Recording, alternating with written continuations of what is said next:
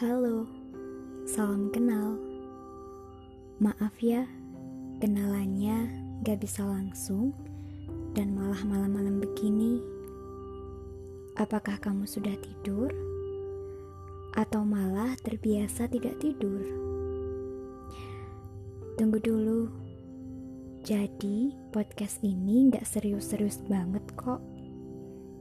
Pokoknya di sini akan ada banyak cerita Nanti yang jauh bisa menjadi dekat, dan yang tidak tahu bisa menjadi kenal. Kok bisa ya namanya share and give? Hmm, ya mau bagaimana lagi? Dua kata itu adalah sepenggal kata dasar dari namaku. Nama pemberian ibuku.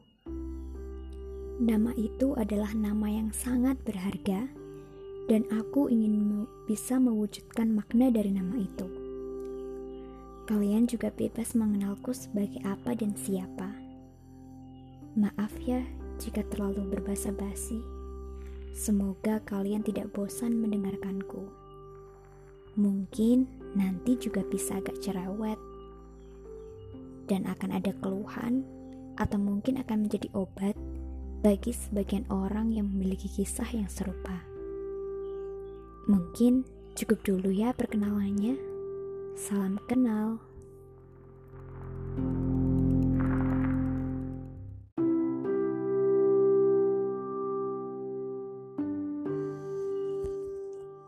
Kamu pasti pernah bertemu dengan seseorang yang gak pernah kamu duga sebelumnya.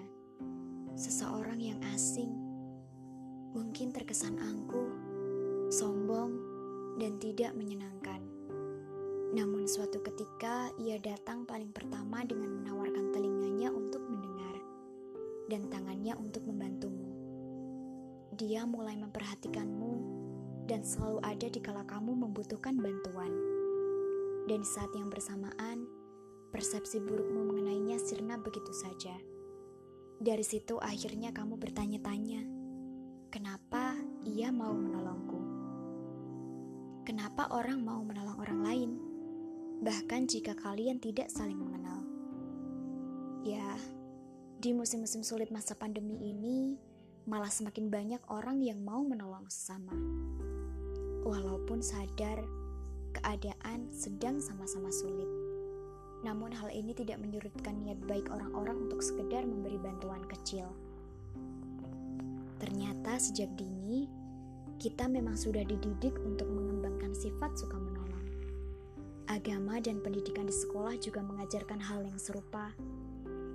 Menolong bukan hanya meringankan beban orang lain, tetapi menolong juga akan memberi pengaruh baik kepada diri sendiri. Lalu, mengapa orang mau menolong orang lain? Pertanyaan itu selalu muncul di benak siapa pun, mungkin aku dan juga kamu. Tapi pernahkah kamu mencoba untuk mencari tahu penyebab seseorang yang mau menolong orang lain? Aku cukup penasaran, dan kemudian aku mulai memberanikan diri untuk menanyakan mengapa seseorang mau menolongku. Ternyata alasannya karena memang mereka suka dengan kegiatan menolong, dan mereka juga memiliki perilaku prososial. Sedikit pengertian dari prososial. Jadi, menurut seorang ahli psikologi bernama Jovidio, Prososial merupakan perilaku yang memiliki tujuan untuk menguntungkan orang lain. Perilaku ini dilatar belakangi karena adanya motif kepedulian pada diri sendiri. Dan mungkin juga karena adanya altruisme, sebuah keinginan untuk menolong orang lain, walau harus mengeluarkan biaya atau pengorbanan dan murni tanpa mau mengambil keuntungan. Misalnya saja ketika kamu sedang akan mencetak tugasmu, namun kamu merasa kesulitan karena uang yang miliki tidak cukup dan itu adalah uang terakhir yang kamu miliki. Alasannya adalah karena kamu belum ditransfer oleh ayah atau ibumu.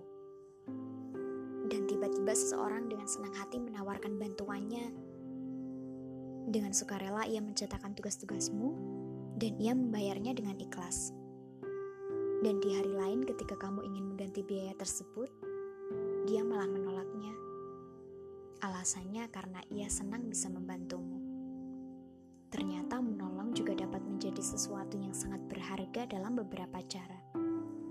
Seperti yang kita ketahui, dalam norma timbal balik, menolong dapat meningkatkan kemungkinan seseorang akan menolong kita juga.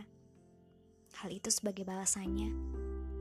Seseorang yang sudah ditolong akan merasa memiliki hutang budi kepada orang lain. Maka sebisa mungkin, seseorang yang telah ditolong akan berusaha menolong suatu saat nanti.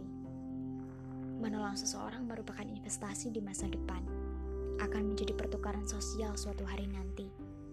Seseorang akan menolong kita ketika kita membutuhkan pertolongan. Menolong memanglah tugas yang tidak mudah, karena harus mengorbankan tenaga, pikiran, bahkan dana yang kita punya. Namun, jika ikhlas, suatu saat nanti kita akan ditolong juga ketika kita mengalami kesulitan dan kita tidak bisa menyelesaikannya sendiri. Dan terkadang yang menolong kita bukanlah seseorang yang pernah kita tolong dahulu, melainkan orang lain yang belum kita ketahui sama sekali. Mungkin juga belum pernah kita temui. Ternyata dengan menolong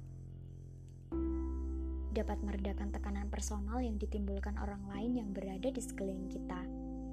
Orang akan merasa terganggu ketika mereka melihat orang lain menderita dan mereka menolong orang tersebut, ya paling tidak untuk meredakan tekanan mereka sendiri.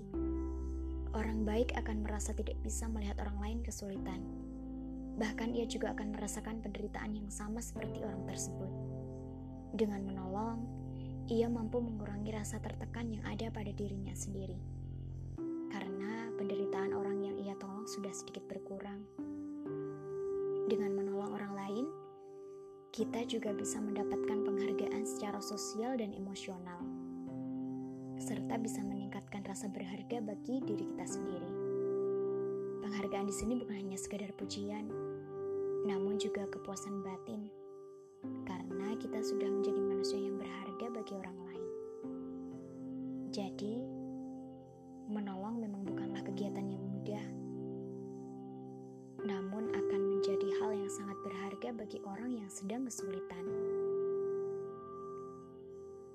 Kita harus tetap menjadi manusia yang berguna bagi orang lain. Namun, ketika menolong, tetaplah pikirkan juga keadaan diri. Jika memang tidak sanggup, maka kamu boleh menolaknya. Tolaklah dengan baik-baik. Jangan karena kamu ingin menolong orang lain, kamu malah jadi menyulitkan diri kamu sendiri. Intinya, ketika kamu ingin selalu ingat juga dirimu. Apakah kamu sanggup dan apakah kamu bisa? Jadi, yang membutuhkan pertolonganmu bukan hanya orang lain, tetapi diri kamu sendiri juga. Maka, ketika kamu bisa menolong orang lain, kamu juga harus bisa menolong dirimu sendiri. Tetaplah jadi manusia yang baik hati, perlakuan orang tidak sebaik perlakuanmu. Karena suatu saat nanti, kamu akan mendapatkan hal yang sangat baik dari apa yang telah kamu perbuat. Maka, jangan pernah lelah untuk menjadi orang baik.